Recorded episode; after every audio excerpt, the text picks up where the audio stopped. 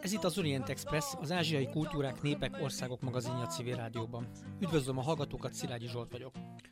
Új év van, így majd különleges epizóddal készültünk a tisztelt hallgatóknak. Az Orient Express majdnem összes szerkesztője a stúdióban van, Günszperger Dóra, Szakáli Máté és Salád Gerge is.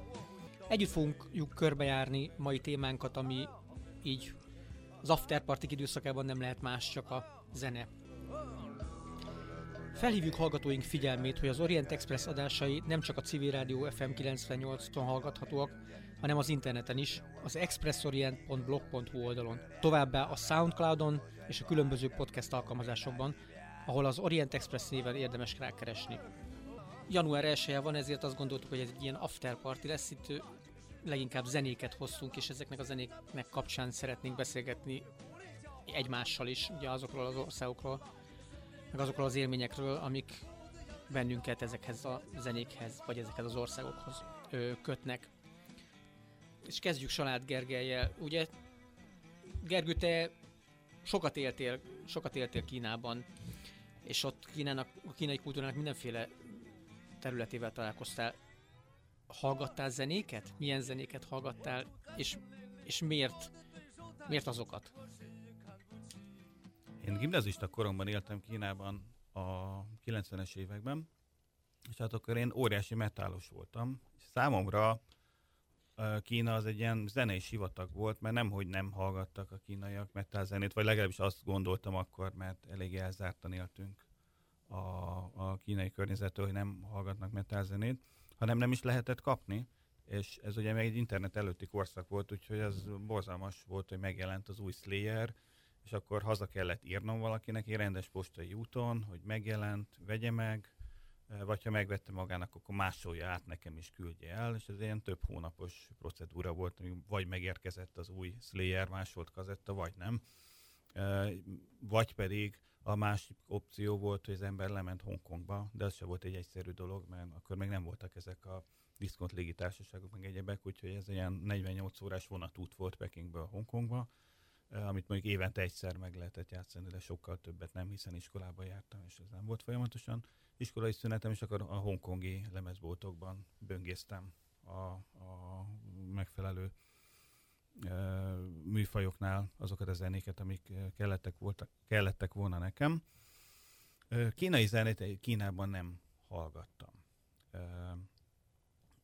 A kínai egy nagyon muzikális nép, tehát folyamatosan zenélnek, meg énekelnek, nem véletlen, hogy a, a karaoke, ami egyébként a japán találmány, az igazából Kínában lett népszerű. Tehát Kínában van az, hogy bármi történik, ünnep van, esküvő van, temetés van, születésnap, hódújé van, akármi van, akkor esznek és karaokéznek. Tehát ez a két dolog, ami a társaságot összefogja, vagy a közösséget mindig összefogja, a közös étkezés, meg a, meg a, a karaokézás.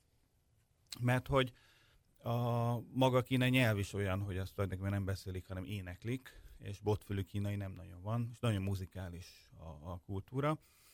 Viszont a 80-as, 90-es években egy olyan jellegű monokultúra uralkodott el zeneileg legalábbis eh, Kínán, ami ilyen vágyfülű, vagy más műfajokat kedvelő zenehallgatónak nagyon nyomasztó tud lenni.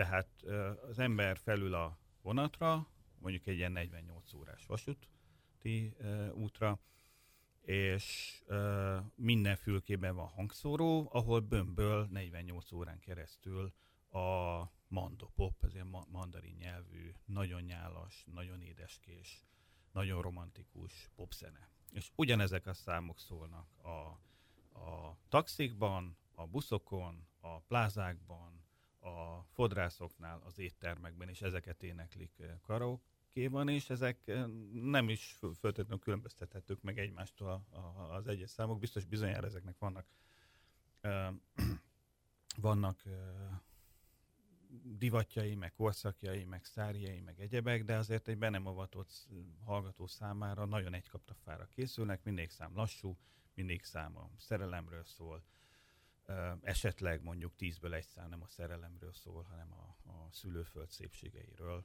és a szerelemről. Szóval nem túlságosan változatos a kultúra. Ekkor még a 90-es években nem igazán alakult ki az, ami most már azért jelen van, hogy legalább a fiatalok között van valamiféle szóródás, hogy nem mindenki pont ugyanazt hallgatja, hanem vannak a nem tudom, rockerek, meg a metálosok, meg a punkok, meg a rapperek, meg a nem tudom, mit Meg a popzene hallgatók.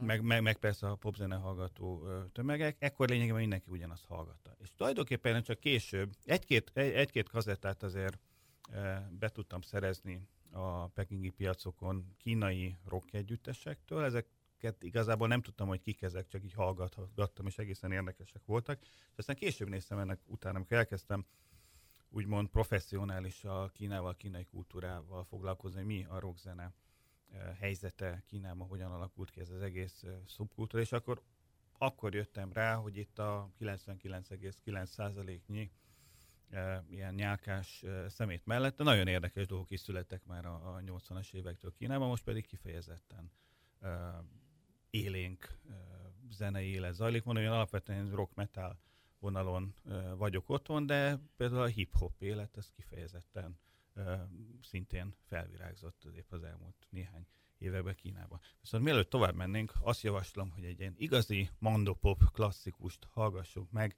Tereza Tengtől, vagyis Teng Li től kínai nevén, akibe a 80-as években 600 millió kínai férfi volt szerelmes, aki valószínűleg minden időknek a legnagyobb kínai nyelven éneklő sztárja. Ő nem kínai volt, hanem tajvani, hongkongi, de amint a, a, a kulturális cenzúrának a merevebb, szigorúbb korszaka véget ért, egy pillanat alatt a 70-es évek végétől, 80-as évek elejétől csempész lemezek, csempész kazetták, milliói, százmilliói lepték el Kínát, és gyakorlatilag volt néhány év, hogy mindegyiken Teng Li azaz Tereza Teng szólt.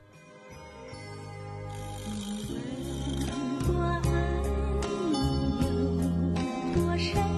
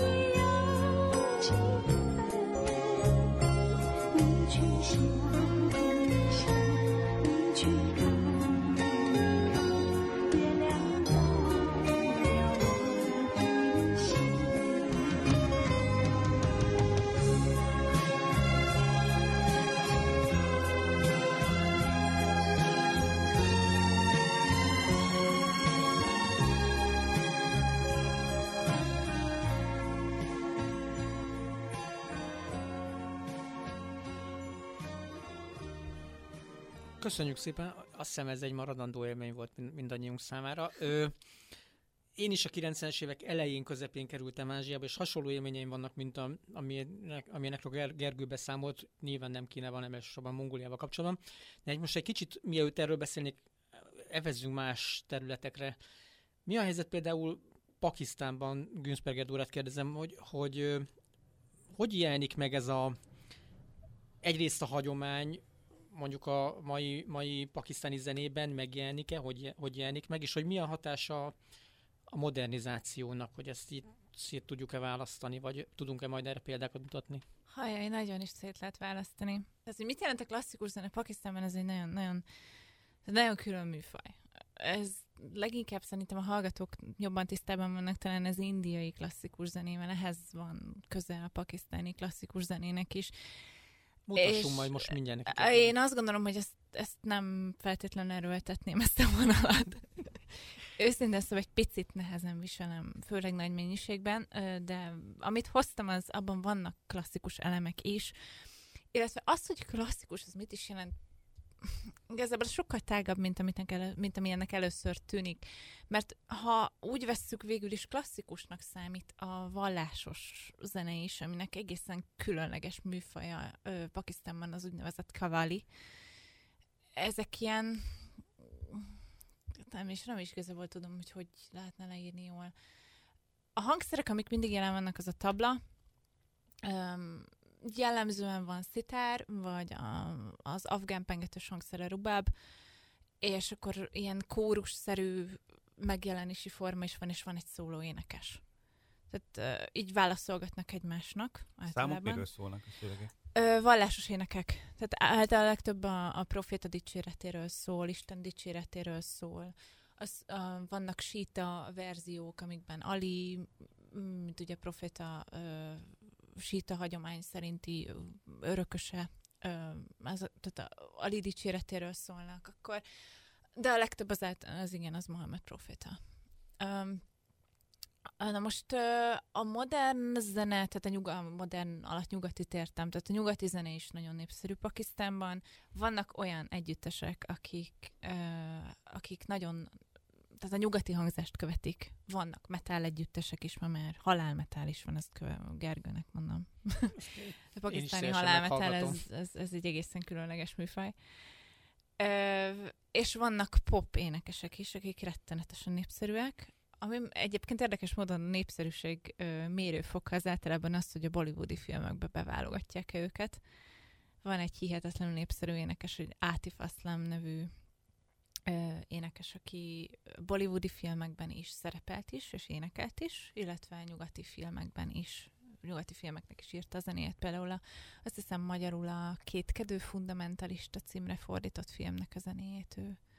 Tőle tudunk mutatni valamit? Csak igen, igen. Percnyit, Amit hoztam, ez, ez egy nagyon érdekes ötvözete a pakisztáni klasszikus zenének, ami alatt most a kavalit éltem, nyugati zenének, és, és egy kicsit a klasszikus ének stílus is megjelenik benne, pont ez a már emlegetett Átif. És ezt a számot, Tajadari Harem a címe, egy Cox Studio nevű kezdeményezés illetve egy ilyen sorozat kereteiben vették fel. Ez egy hihetetlen népszerűségnek örvendő sorozat, az alapja fúziós zene, tehát az az elképzelés, hogy ö, klasszikus pakisztáni dalokat, akár filmdalokat, akár kavalit, tehát ilyen hagyományos dél-ázsiai stílusokat ötvöznek ö, a modern nyugati zene elemével. Ez annyira népszerű ez a, ez a kezdeményezés, hogy Indiában is bevezették, tehát most már van Coke Studio India, és van Coke Studio Afrika is. Ez Pakisztánból indult.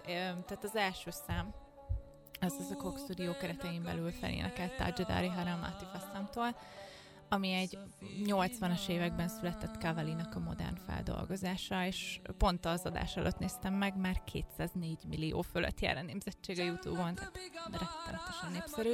Pakisztánban a csapból is ez folyik. Még a mai napig is pedig már több éves felvételről van szó. Akkor hallgassunk bele ebbe.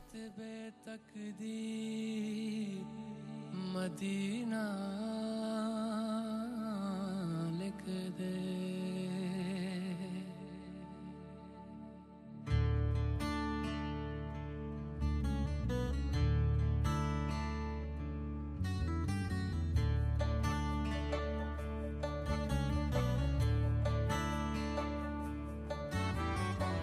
ताजदारे हरम।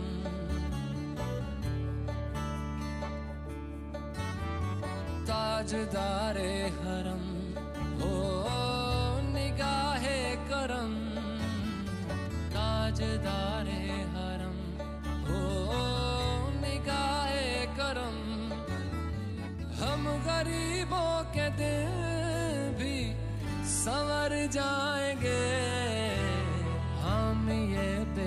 कसम क्या कहेगा जहाँ हम ये बेकसम क्या कहेगा जहाँ आपके दर से खाली अगर जाएँगे ताजदारे हरम ताजदारे हरम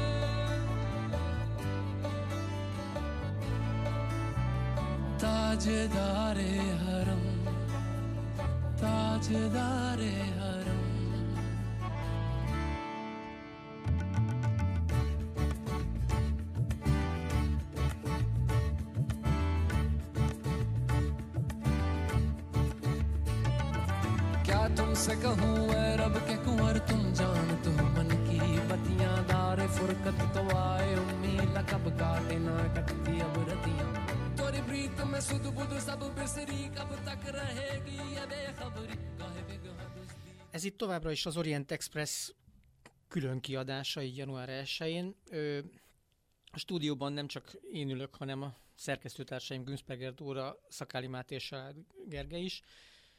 Beszéltünk a kicsit hagyományosabbnak tekinthető kínai zenéről, a kicsit hagyományosabbnak tekinthető pakisztáni zenéről, Dél-Kelet-Ázsiáról még nem volt szó, úgyhogy most Szakáli Mátét kérdezem, aki nem is olyan régen éppen egy, egy évet töltött azon a területen.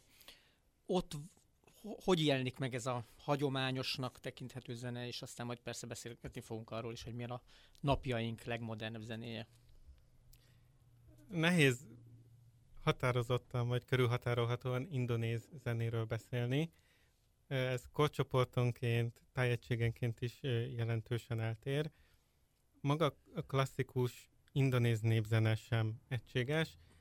Különböző etnikai, nyelvi csoportokhoz, akár valláshoz is köthető. Ezek az identitás megtartó szerepe miatt, illetve közkedveltségük miatt, a hagyomány generációkon történő átruházása miatt ezek fontosak. Itt a hagyományok átruházása elsősorban zenei téren a, a hangszer használatra vonatkozik, például a gamelan hangszerre, illetve a dallamvilágra.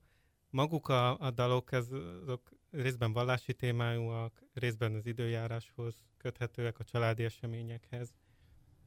Ö, ugyanakkor manapság különösen divatos ö, ö, eklektikus stílusban játszani, tehát a, hagyományos indonéznek tekinthető népzenét modern elemekkel vegyíteni, vagy például arab elemekkel is.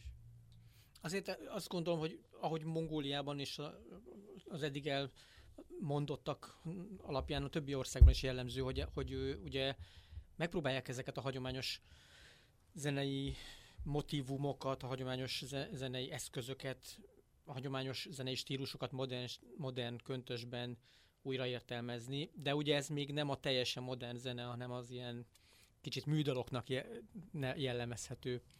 jellemezhető. Ha már így feldobtad a labdát, akkor Mongóliában mi a helyzet? Hát én azt mondtam, hogy Mongóliában van nekem nagyon hasonló élményeim voltak, mint amilyenek neked, neked Kínában. Ugye Mongóliában a 90-es években az ember, hogyha el akart menni vidékre, akkor napokon keresztül ült egy autóban, ö, amiben azt hallgatta, amit a sofőr hallgatni akarta. A, a kazettás ez, Ez tény, hogy Ázsiában mindenhol sofőrterror van, ez egy borzalmas dolog. Igen.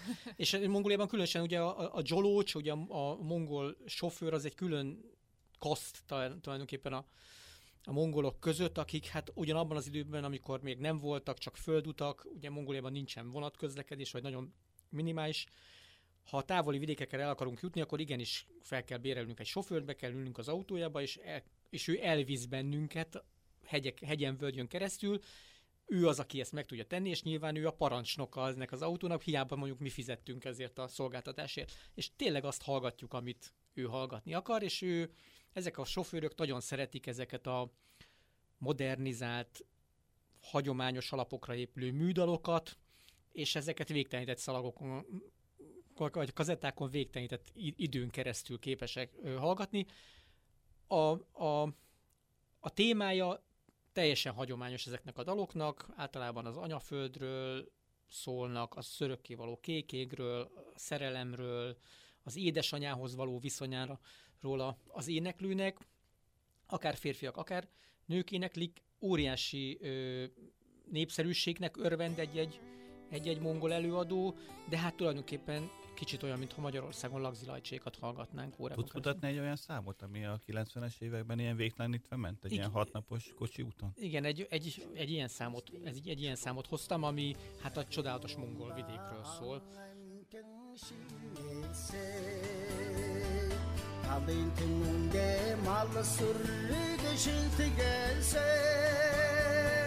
Kalbunottage minne sange нэшэр дэгэлсэн Тамсаг жаргали хүн ардтаа шингээсээ Ишгэ жауа цэцэдэн ногоон газарны Гэрэлт нарны цэлмиг ноймнон тингэрми Эхорон төрдөө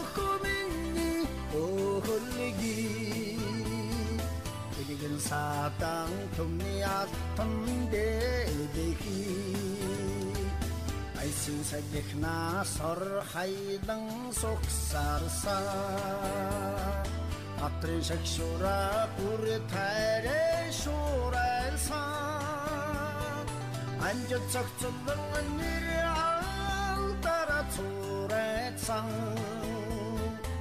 нэр алдара цурайсан ажтыг цачилдан нүр үсэ шуурхайсаа Кишгэж яваа сайн хиу анхэл намагазарми Гэрэлт нарны ох юу ном юм тэнгэрми Эхорон төрдөх миний өлиги Элигэн сатан тумиат देखी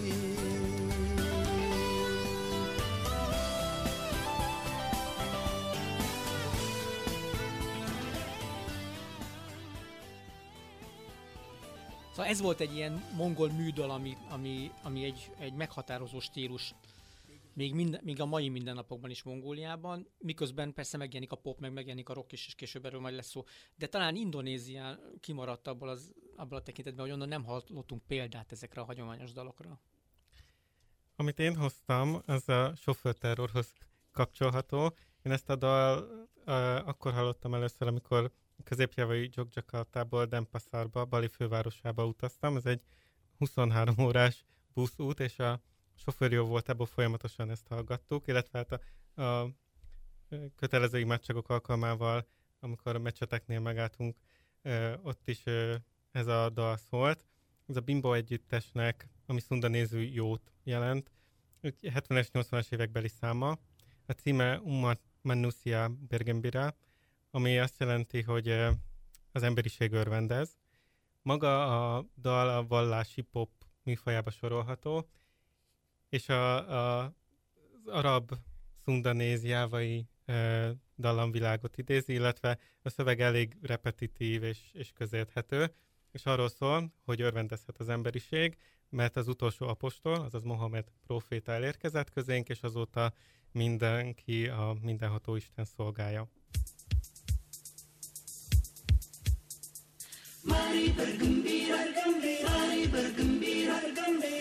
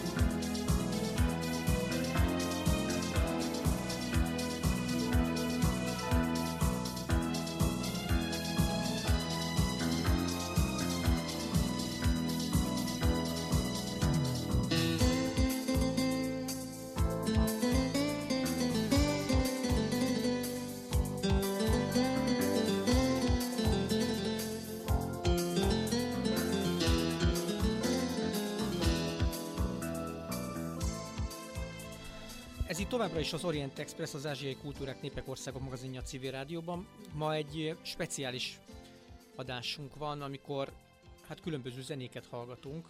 Ez egy ilyen speciális afterparty így január 1-én. Eddig beszéltünk arról, hogy, hogy az általunk vizsgált területeken vagy országokban milyen módon jelenik meg a hagyományos ö, zene tulajdonképpen. De nyilván ha Kína, Japán, Korea szóba kerül, akkor a témájához teljesen egyetemen kapcsolódik a, a populáris kultúra is. Ö, mennyire erős ez a vonal Kínában, illetve hát nyilván ez egy ilyen álnaív kérdés, tudjuk, hogy nagyon, nagyon erős. Ugye a japán pop kultúra, meg a koreai pop kultúra az Kínában legalább olyan erős, vagy talán inkább erősebb, mint a világ más tájain, tehát a kínai tinédzserek is koreai posztárokba szerelmesek. Nem föltétlenül a legszínvonalasabb zenét éneklik ezek a koreai, illetve japán posztárok, de hát nyilván a kínai tinédzserek többségei is kinövi ezt a, a korszakot. De azért van egy elég erőteljes hazai pop hagyománya is a, a, a kínaiaknak. Általában a kínaiak azért nehézkesen tanulnak idegen nyelvet, és ezért a kultúra fogyasztásuk is alapvetően kínai nyelvű. Tehát ha nem értik a koreai számszöveget, akkor lehet, hogy idő után, vagy jó eséllyel idő után átérnek inkább mondjuk egy tajvani fiú együttesbe való szerelmesnek levésre, mert hogy azok legalább kínaiul énekelnek. És hát ez, ez folyamatosan jelen van. Tehát a, a 80-as évektől fogva, vagy említettem ezeket a mandopop balladákat, ezek ma is uralkodnak, persze modernizáltabb formában, meg már van bennük rebbetét, meg fel van tuningolva autótyúnnal az énekesek hangja, de azért ez az alap vonulat, hogy szerelemről kell szólni a, dolognak, meg legyen benne sok dobgép, meg szintetizátor, ez most is megmarad. Alapvetően egy olyan jelenség figyelhető meg, hogy ami divatos Amerikában, egy újabb zenei irányzat, vagy ötlet, vagy megoldás, az, az szinte azonnal megjelenik Tajvanon, onnan megjelenik Sánkhájban, aztán onnan megjelenik, vagy tehát onnan átterjed Kína többi területére is. Legyen itt szó zenéről, legyen itt szó divatról, vagy sapkaviseletről, vagy egyebekről. És exportálják ezt úgy, mint ahogy mondjuk a J-pop meg a K-pop tekintetében tapasztaljuk, hogy most már Európát is járják a koreai fiúba, fiú együttesen? Szeretnék, de ez egy olyan terület, ahol Kína nagyon le van maradva Dél-Korea, illetve Japán mögött. Ez nagyon fáj a kínaiaknak egyébként, hogy miért nincs nekik egy Gangnam style amely ugye néhány évvel ezelőtt le, leuralta a YouTube-ot, és nincsen ilyen de még ilyen japán fiú együtteseik, vagy egyéb J-pop produkcióhoz hasonló sikerű formációik sincsenek. Lehet, hogy előbb-utóbb lesznek egyébként, de egyelőre Kína eléggé magába zárt, ami nem azt jelenti, hogy csak Kínában hallgatnak ilyen zenéket, kínai zenéket, hiszen 50 millió kínai él Kína határain kívül, és mondjuk Malajziában, Indonéziában, Amerikában vagy Magyarországon a kínai zenefogyasztók azok jelentős részben ilyen mondopop, vagy esetleg kantopop, tehát kantoni nyelvű popslágereket hallgatnak, és azért egy 50 milliós, kifejezetten jó mungdú piac, ez egy elég nagy piac, tehát ebből a szempontból exportálják a popkultúrát a kínaiak, de abból a szempontból nem, hogy az azért még elég ritka, hogy egy német vagy egy magyar tínédzser egy kínai fiatalember képét ragassza a, a falára. Ugye Japánnal, Koreaival ez már előfordul, a kínaival egyelőre ez még nem fordult elő. Valószínűleg ezt is meg Hogy, hogy értem, amit, amiről eddig beszéltünk, minden általunk vizsgált országnak a popzenéjében jellemzően az adott térségnek a nyelvén énekelnek, tehát Mongóliában, mongol nyelven. Mongóliában, mongol. Igen, igen, Indonéziában, indonézul, Kínába, kantoni, mandarin nyelven, nyilván Pakisztánban pedig urdu, panjábi, vagy akármelyik helyi nyelven. Ö, arra lennék nagyon kíváncsi, hogy emellett mennyire jelenik meg mondjuk a, mennyire jelennek meg a hagyományos hangszerek a popzenében.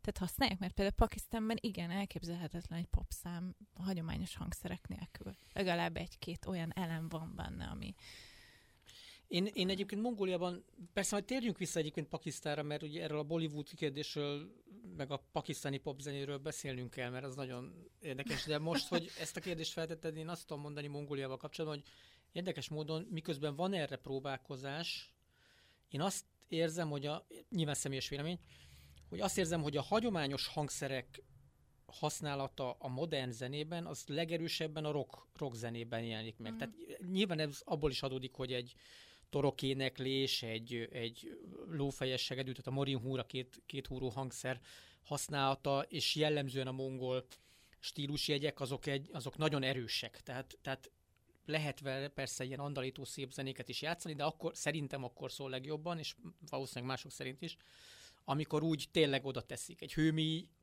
nagyon szép díszítés, de ugye egy nagyon érzelmes éneknek csak bizonyos részeihez lehet jól odailleszteni, és és a, a modern mongol zenében, a populáris zenében, és jellemzően a rock zenében nagyon erősen jelen vannak a mongol hagyományos hangszerek. Tudsz erre példát mutatni? Persze, olyan rockzenét hoztam, amire erre, erre jó példa lesz. Szerintem akkor most hallgassuk mi, és aztán majd visszatérünk a, többi területre is.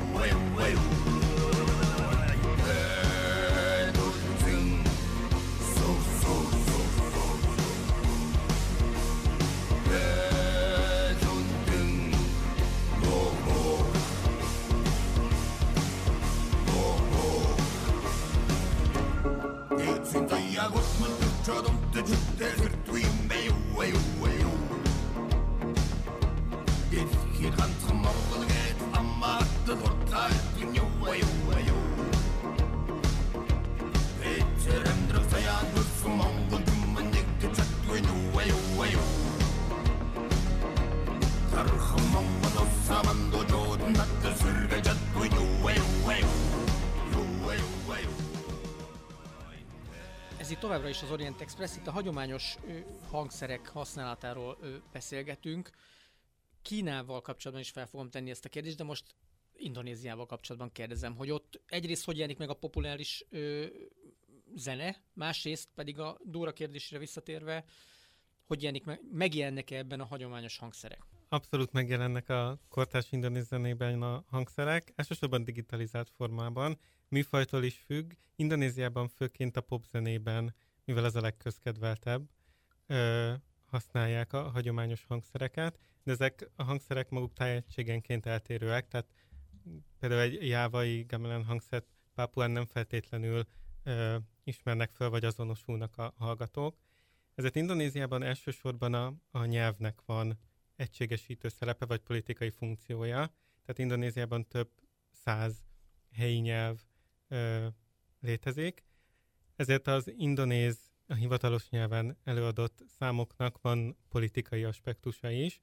Például a politikai rendezvényeken előadott számok jellemzően indonéz nyelven hangzanak el, illetve az állami tévében közvetített előadások is általában indonéz nyelven történnek, a nemzeti egységet hangsúlyozandó. Amit hoztam számot, az egy dangdut műfajba sorolható dal. Ez a hagyományos szundanéz, jávanéz, a klasszikus indiai és a kortás bollywoodi zenének az elegye. Maga a műfaj az kifejezetten népszerű, ez nyilván korcsoportonként és tehetségenként is változik, de manapság elsősorban a, a nemzetközi trendeket követő új előadók miatt a, a fiatalok körében kifejezetten népszerű. Ők főleg a koreai, japán e, fiú és lányzenekarokat hát mondjuk úgy utánozzák előadásmód tekintetében, e, illetve hát az amerikanizáció, tehát a rock, a hip-hop, az R&B is e, népszerű. Maguk az előadók, akik az indonéz piacra gyártanak egy számot, illetve a külföldi piacra gyártanak számot, azok tartalomban és megjelenítésben is különböznek. Tehát a, a szerelem, mint a fő téma, az adott, viszont a nemzetközi piacra szánt számoknál a videoklippek kevésbé visszafogottak az előadás stílusát, illetve dallamvilágot tekintve is.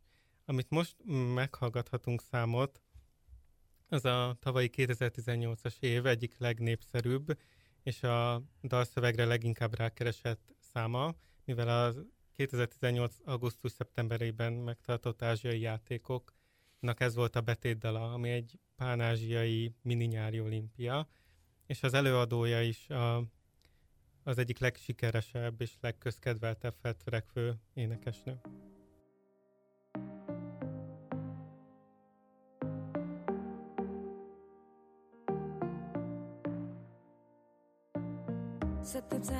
Setiap waktu.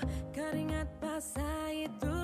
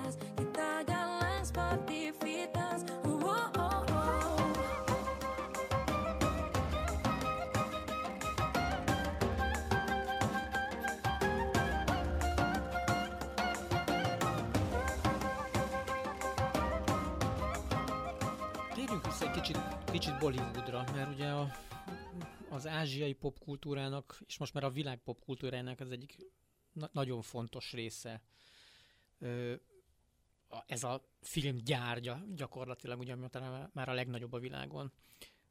Milyen szerepe van a bollywoodi zenének a pakisztáni modern zenében? Hatalmas szerepe van, ugyanúgy, ahogy a bollywoodi filmeknek is. Egyrészt nyelvi okokból, hiszen a nyelvet, amiken a bollywoodi filmeket általában forgatják, a hindi, illetve urdu, ezeket nagyon könnyen megértik Pakisztánban is, lévén a hindi és az urdu grammatikailag ugyanaz a nyelv, nyilván a szókincsében eltérő, de, de megértik. És hát a képi világ is hihetetlen nagy hatással van a pakisztáni popkultúrára. A Pakisztának egyébként van saját filmipara, ezt Lollywood néven szokták emlegetni. Az Elit Lahore-ra utal.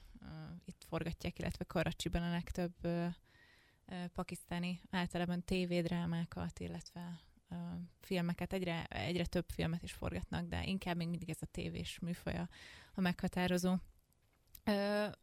Pakisztánban ugye az iszlám vallás nagyon komoly szerepet játszik a kultúrában is, de ö, nem tudta kiütni ezt a fajta zenés, táncos, csillogó, mindenféle vidámságról szóló ö, bollywoodi stílust, ami, ami még a mai napig is hatalmas népszerűségnek örvend. Én egy teljesen más, szintén a Cox elmaradva egy pakisztáni rock számot hoztam nem Bollywood annyira. Azt, Annak örülünk, köszönjük. Igen. Azt halljuk sokszor máskor.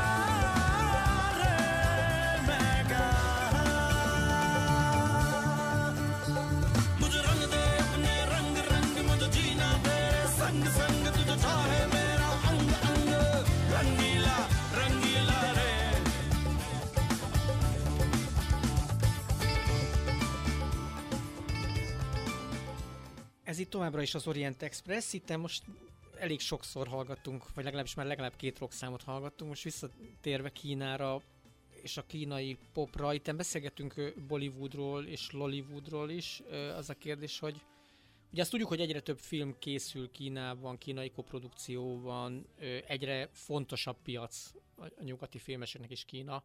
Van itt egyfajta ilyen visszahatása, hogy a bollywoodi filmek hatnak a, a, az indiai, pakisztáni popzenére, úgy a kínai filmekben is megjelenik a kínai zene, vagy van valamilyen kölcsönhatás? Azt hiszem, hogy a kínai popzene nagyon elnyugatosodott. Tehát nem vagyok benne biztos, hogyha egy kínai popszámot angolul énekelnek, akkor a, a hallgató rájön, hogy itt nem valami más országban, vagy esetleg amerikai produkcióról van szó, hanem kínairól, mert ugye egyrészt levetették a hagyományos pentaton skálájukat, a, az a, a dallamvilág, az a, tulajdonképpen a hangszerek hangolása, amit követnek, az teljesen nyugati Kínában. Nyilván él továbbra is a Pekingi opera, meg a hagyományos kínai zene, ezek ilyen kultúrházakban, meg a nem tudom, a központi tévének a 34-es, vagy nem tudom hányadik csatornájára vannak száműzve, és az öreg emberek nézik őket, de alapvetően a, a, az a zene, amit a többség hallgat, az teljesen nyugati hangnemű, nyugati dallamvilágú, és klasszikus hangszereket sem nagyon használnak, esetleg díszítésképpen. De attól még, hogy, hogy mondjuk egy ilyen édeskés, tipikus, nem tudom, mol számban a szóló az nem szintetizátorral van lejátszva, hanem valami hagyományos kínai lantal, vagy akármivel, attól az még nem lesz egy ilyen szerves kínai zene, tehát ezek ilyen nagyon felszínes kínai díszítések, mert, mert az alap az teljesen az, az teljesen nyugati.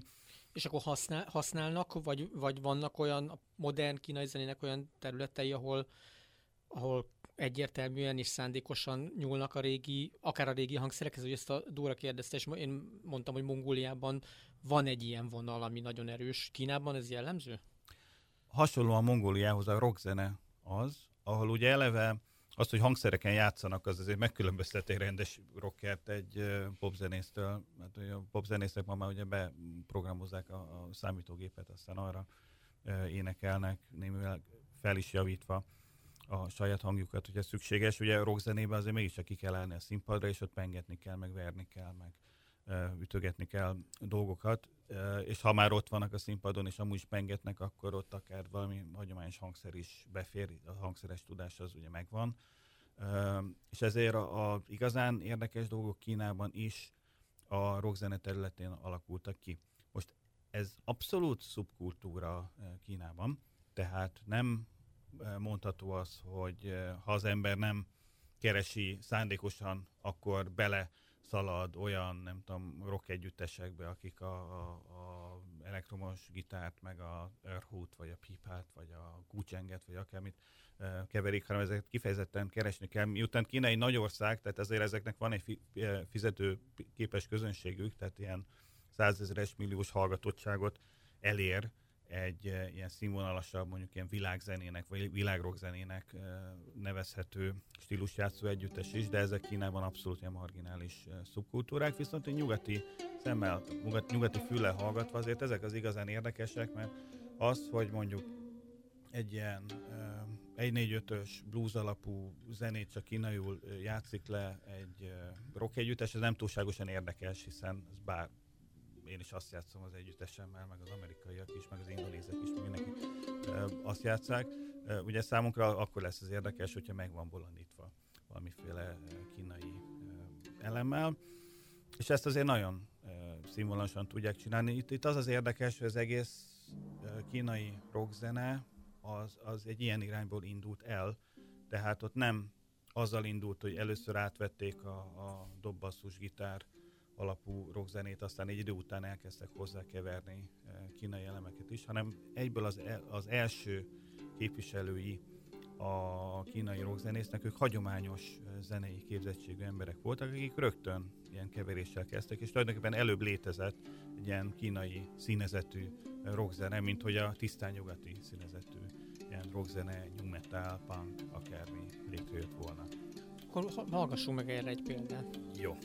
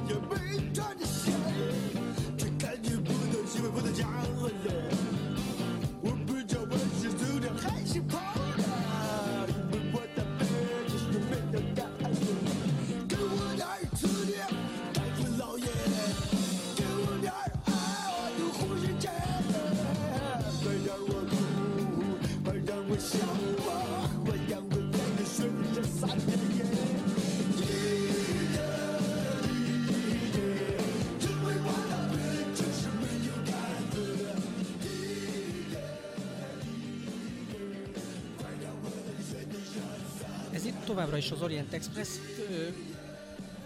A modern ázsiai zenékről beszélgetünk, és hát mivel az Orient Expressről és a szerkesztőiről van szó, így, így kicsit ilyen politikai témát is muszáj, hogy belekeverjek ebbe. A, a mai modern mongol rockzene és az abban használt ö, hagyományos hangszerek, azok Mongóliában megjelennek azért, mert ez a hagyományos kultúra része. Kínában, a Kínában élő mongolok viszont ezt ugye a kisebbségi kultúra egy ilyen sajátos megnyilvánulási formájaként vagy jelzéseként használják Kínában.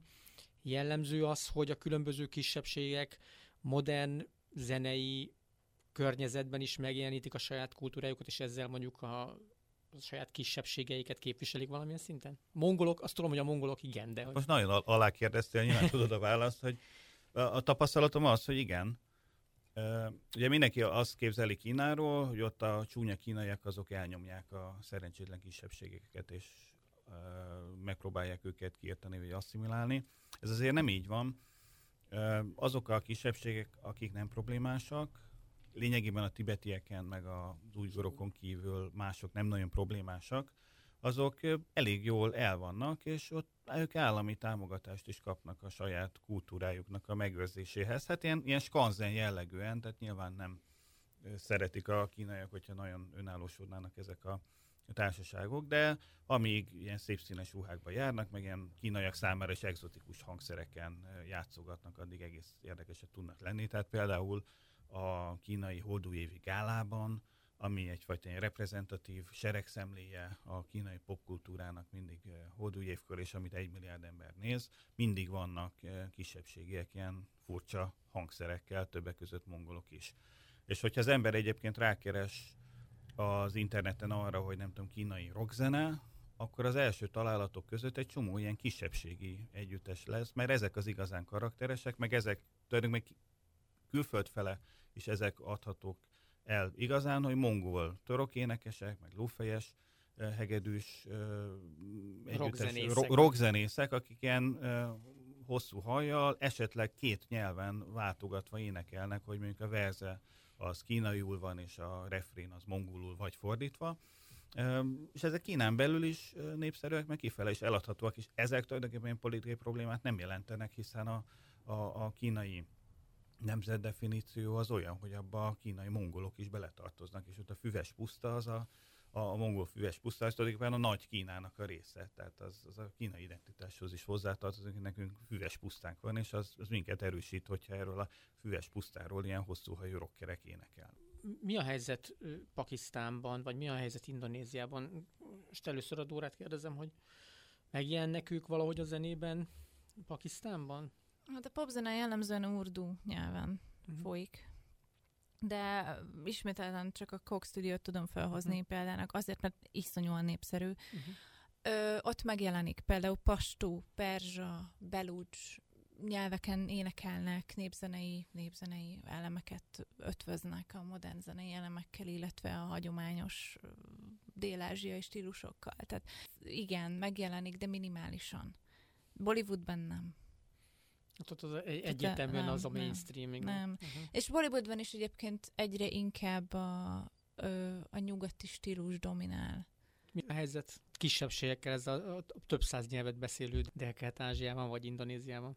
Indonéziában a kisebbségek is részt vesznek a, a zenei életben erőteljesen. Általában a, a hallgatottság növelése érdekében, a példányszám növelése érdekében indonéz nyelven, de megjelenítésben, a hangszerekben, a dallamvilágban megjelenik a, a kisebbségi kultúra, például népviseletben táncolnak a tengerparton. Üm, maga a tartalom és az előadásmód tekintetében is ez a vallási kisebbségekre, nyelvi, kulturális kisebbségekre is vonatkozik. Az iszlám, mint domináns nyelv, vallási és kulturális többség hatása az növekvő mértékben tetten érhető. Például ez elsősorban a popzenére, de a rockzenére is igaz, hogy az iszlám konform tartalmat megkövetelik az előadóktól. Tehát például vannak heavy metal rockbandák, akár lányok is, akik dzsilbában, tehát fejkendőben ö, játszanak. Ez a végszó, itt befejezzük a mai újévi külön számunkat.